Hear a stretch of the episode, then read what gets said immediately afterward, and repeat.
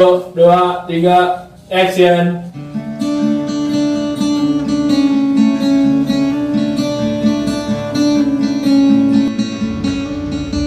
Merdeka itu bebas bersuara tanpa takut akan menghilang, tanpa takut dibungkam, tanpa takut tak punya kawan.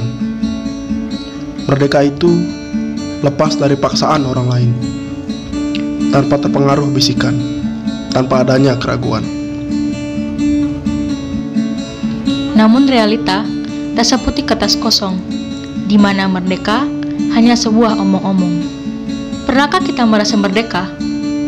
Karena sampai saat ini, kita masih disiksa, terkurung dalam pemikiran model lama.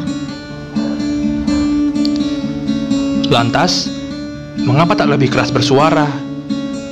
Apakah ada nyaman yang masih bergerilya? Dalam lubuk hati kita sebagai seorang manusia, benarkah kita belum merdeka? Dan kini aku ragu tentang arti merdeka versi kita. Terlalu banyak rahasia di sini, bagai harta yang tak ingin dibagi.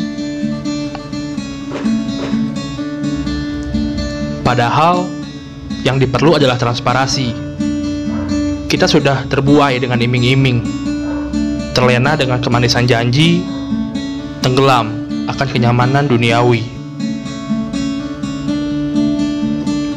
Jadi, merdeka itu Hmm.